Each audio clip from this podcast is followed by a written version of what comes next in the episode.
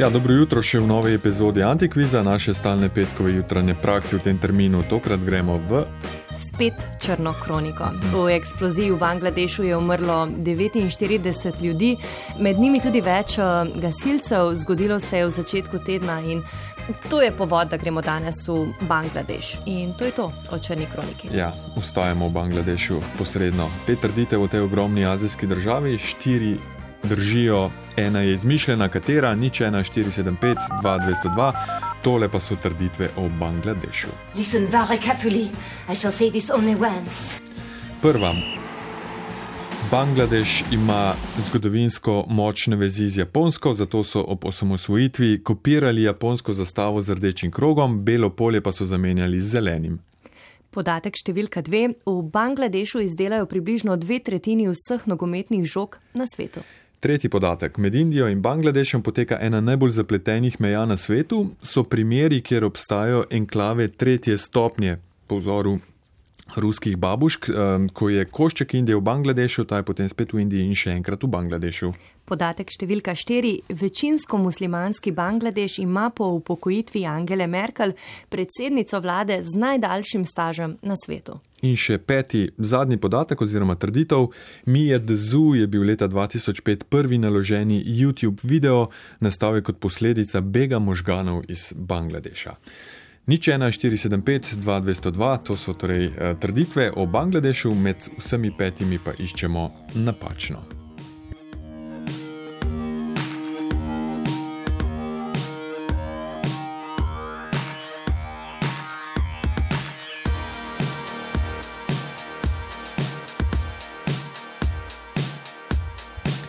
Ja, torej, uh, še enkrat na hitro, če vseh pet uh, podatkov. Bangladeš ima kopirano zastavo od Japonske, največ nogometnih, oziroma dve tretjine vseh nogometnih žog izdelajo tam na svetu. Ena najbolj zapletenih meja na svetu, eh, tista z Indijo, kjer imajo enklave tretje stopnje, torej nekaj je v nečem in je v nečem. Potem predsednica vlade z najdaljšim stažem na svetu po pokojitvi Angele Merkel in uh, YouTube video. YouTube video Bangladežan. Bangladešec ga je naložil. Uh, prvi video na YouTubu. Nič 1475, 2202, kateri od petih podatkov je izmišljen.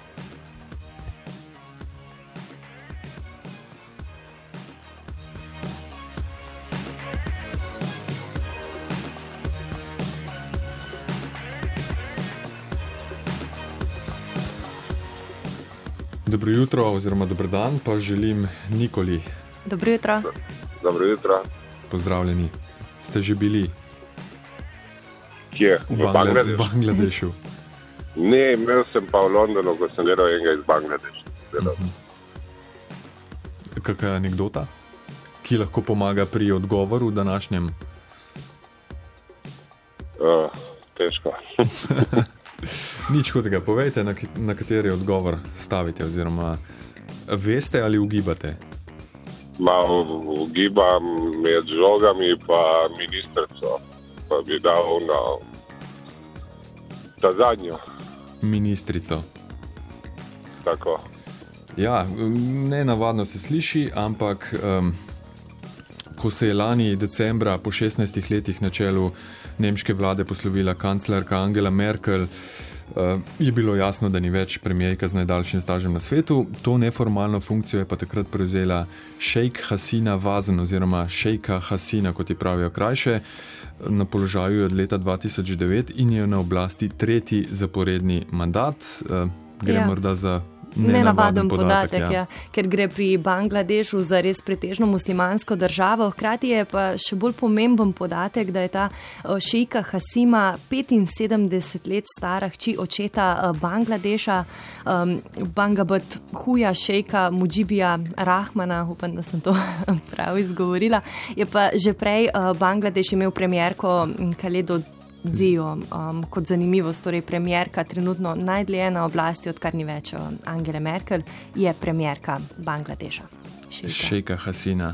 Ja, in še morda podatek, ki koga zanima. Prva premijejka sploh je postala pa mongolka Kertek Ančima Toka, premijejka Tuvalske, um, Tuvanske republike. To je bil pa ta košček ozemlja med Rusijo in Mongolijo, med obema vojnama. Nikola, um, čisto za res ima Bangladeš uh, premijejko z najdaljšim stažem trenutno na svetu. No, nekaj novega.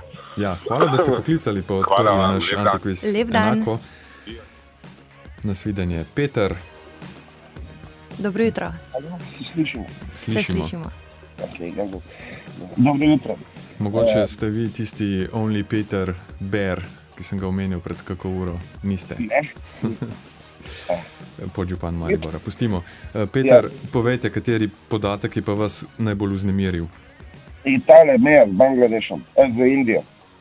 Mislim, da ste številka štiri.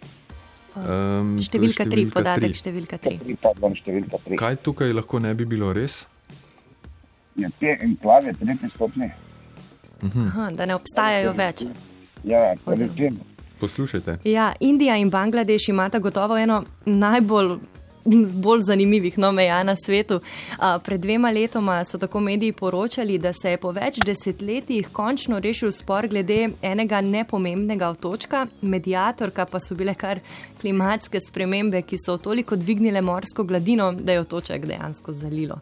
Ampak pustimo trivijo in se posvetimo trojnim enklavam. A, če pogledate zemljevid, a, Indija skoraj um, obkroža Bangladeš in tisti del Azije je izjemno a, vodnat, zato je nešteto nekih pritokov, po katerih potekajo državne meje, ampak ne čisto točno. Ja, imajo preko 200 raznih enklav, indijskih in bangladeških, eh, ležijo v bližini obeh, se pravi, eh, v obeh državah, v bližini meje. Še več, nekatere od teh enklav imajo znotraj enklave še eno enklavo, takih je 12. In še edini tak primer na svetu, ko gre za trojno enklavo, ko je znotraj enklave enklava in potem še ena enklava znotraj te druge enklave, kot bi, kot, sem, kot smo rekli v trditvi, ne odpirali rusko babuško. Dejansko si v Bangladešu, ampak če hočeš v pravi Bangladeš, moraš prek dveh ali treh meja, se ne vem več točno. Skratka, enklava tretje stopnje. stopnje. Ja, tem enklavam pravijo v Bangladešu in Indiji um, Čitmahals ali Paša enklave, ležijo pa vse med Bangladešem in indijsko zvezdno državo uh, Zahodna uh, Bengalija. M, Zakaj tako nelogične delitve?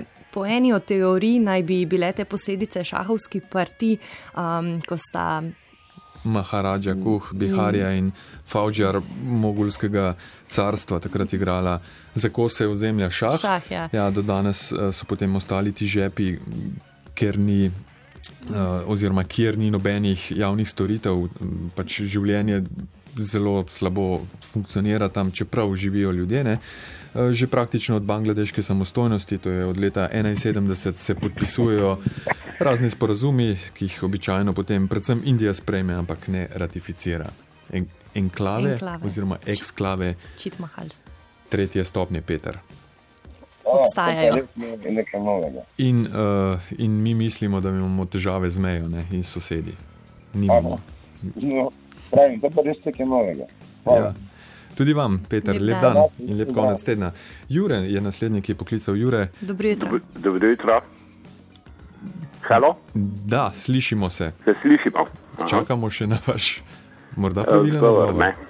Tako. Eh, Se pravi, kaj imamo zdaj? Enko še, ne? Imamo enko, to zastavo, kopirano od Japoncev na nek način, pa potem imamo uh, Bangladeš kot uh, največji svetovni proizvajalec nogomet, nogometnih žog in imamo um, ta YouTube video, prvi, uh, Aha, zdaj posnel. reč kar enko, no.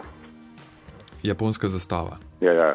Ja, japonsko zastavo poznamo, zastava Bangladeša je pa zelo, zelo podobna, eh, le da belo barvo zamenjamo z zeleno, v sredi pa ostane rdeč krok, eh, ki predstavlja vzhajajoče sonce. Torej, zelo podobna eh, zastava. No, zdaj le pa k lanskemu dogodku, ki je potekal ob stoti obletnici rojstva Bandabadhuja, očeta neodvisnosti Bangladeša in prvega predsednika. Zbrane je pred video povezave nagovoril japonski premijer um, Yoshihide Suga, ja. Suga ja, in povedal, da, je, uh, prvi predsednik, uh, vedno priz, da si je prvi predsednik vedno prizadeval za odlične odnose uh, z Japonsko. Japonska pa je bila ena prvih držav, ki je Bangladeš priznala kot neodvisno uh, državo. In predsednik je v enem prvih obiskov odšel tudi na Japonsko, ko še niso imeli zastave. In tam povedal, da je Japonska model razvoja, kamor naj bi Bangladeš šel, naj bi mu sledil.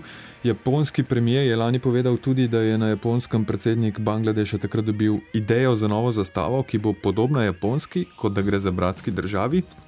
Na obeh zastavah rdeč krok predstavlja vzhajajoče sonce, s tem da v bangladeškem primeru tudi kot simbol prihodnosti in razvoja, zelena barva pa zeleno državo, kar eh, Bangladeš je, pa tudi to, da je pretežno muslimanska. Torej drži, ja, ko so ja, leto ja. dni po razglasitvi samostojnosti, leta 72 so dobili zastavo, 71 so se osamosvojili. Ko so dobili svojo zastavo, so idejo za njo dobili pri Japoncih. Ja, Japonska pa je še vedno ena od bolj prijateljskih držav Bangladeša in eden največjih vlagateljev uh, tam. No, še en medklic. Um, še ena zelo pomembna zastava, uh, podobna, podobna ja. uh, zastava obstaja. Uh, rumena, polna luna na modri podlagi, zastava Palavja. Uh, tudi oni so dobili navdih pri Japoncih. Ja, torej Bangladeš je kopiral svojo zastavo od japonske Jure. Okay. Hvala za klic. Naslednji četrtek potem. Tako se vidimo. Okay. Lep dan. Lep dan. Janes. Ja, dober dan. Dober dan. dan. Ja, zdaj smo pa že na 50-50. Skoraj. Eh, se pravi, ja. imamo še nogometne žoge, večina se izdela, dve tretjini se jih izdela v Bangladešu, in imamo mi, Edzu, legendarni YouTube video, ki ga je posnel uh, Bangladeš. Ja, um, sicer vem, da ta Bangladeški, oziroma nekdo je, se mi zdi, celo soustanovitelj tega YouTube kanala, če se dobro spomnim.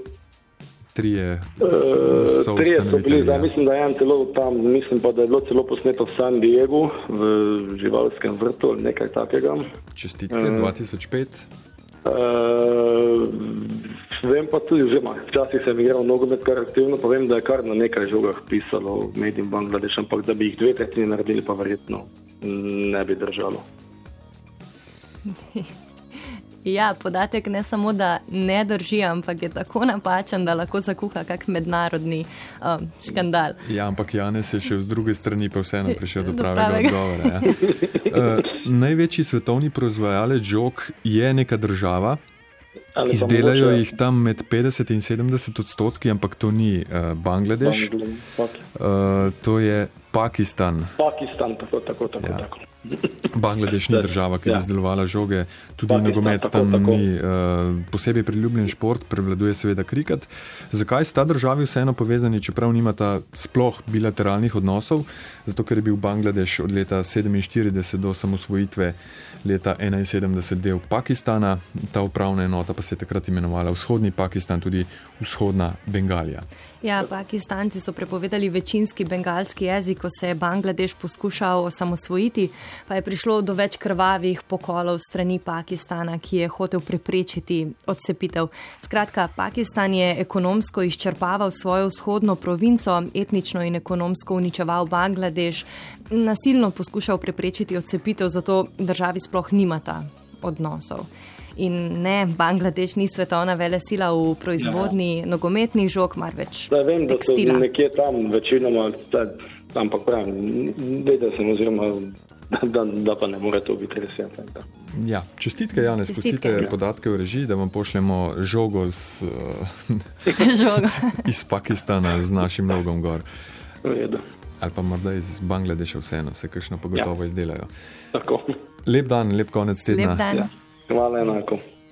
Ja, tako, ko smo govorili o teh pokolih eh, Pakistancev nad eh, Bangladežani, eh, 21. februar je svetovni oziroma mednarodni dan maternega jezika na predlog Bangladeša, ker so takrat Pakistanci na univerzi eh, pobili ne vem točno koliko, ampak eh, neko veliko število eh, študentov, ki so se borili za to, da bi bengalščina eh, postala uradni jezik. jezik. Tako, ostal nam je pa še podatek, številka Pet. Mi je dzu. Mi je dzuja. Jaz v živalskem vrtu je prvi video posnetek na YouTubu um, 23. aprila 2005 ga je naložil soustanovitelj strani Jot Kerim z uporabniškim imenom Jot. Um, gre za 19 sekund posnetka iz živalskega vrta v San Diegu, v katerem so Janes, ja. Ja, uh, poleg uh, Kerima vidni sloni. Govori pa o zelo, zelo dolgih rilcih in podobne neumnosti. V redu, torej tukaj smo pred um, sloni. Um, super stvar glede njih je, da, da imajo zelo, zelo, zelo dolge rilce in to je to. In to je približno vse, kar je o tem povedati. Po mojem, to niti ni bil namen, da bi kaj povedal, ampak da bi objavil posnetek. Posnetek, ki je spremenil uh, splet in predvsem njegovo konzumacijo. Kdo je Džot Karim? Uh, leta 1979 se je rodil v vzhodni Nemčiji, leto pozneje je družina prebežala v zahodno Nemčijo. Njegov oče Najmul Karim je namreč uh, delovni imigrant po rodu iz Bangladeša. Zaradi stalnega nadlegovanja v vzhodni Nemčiji pa so se odločiti, odločili takrat oditi na zahod. Karim starejši je tam delal kot računalničar in je očitno to dejavnost oziroma zanimanje prenesel tudi na sina, mama je bila pa Nemka, univerzitetna profesorica biokemije. Ja, leta 1992 so se potem preselili v ZDA, v Minnesoto. Mlajši Karim je potem doštudiral oziroma študiral v Ohaju, ampak tik pred diplomo je študijo opustil, se zaposlil pri PayPalu in leta 2005 pa uh, potomec bangladeškega očeta in nemške mame postal eden od uh, treh soustanoviteljev uh, YouTube-a. No, pozneje je doštudiral računalništvo na Stanfordu. Zato si že prej hotel reči, da je doštudiral. Ja, tako, tako. Uh, no, ko je Google kupil potem uh, YouTube, je Jot Karim uh, dobil dobrih 137 tisoč delnic, vrednih takrat 64 milijonov dolarjev. Danes najbrž uh, bi bilo to še veliko, veliko več. več. Uh, Mi Edzu, legendarni YouTube video, prvi objavljen sploh, objavil ga je pa sin bangladeškega očeta. Hvala za sodelovanje in se slišimo prihodnji teden. Se slišimo.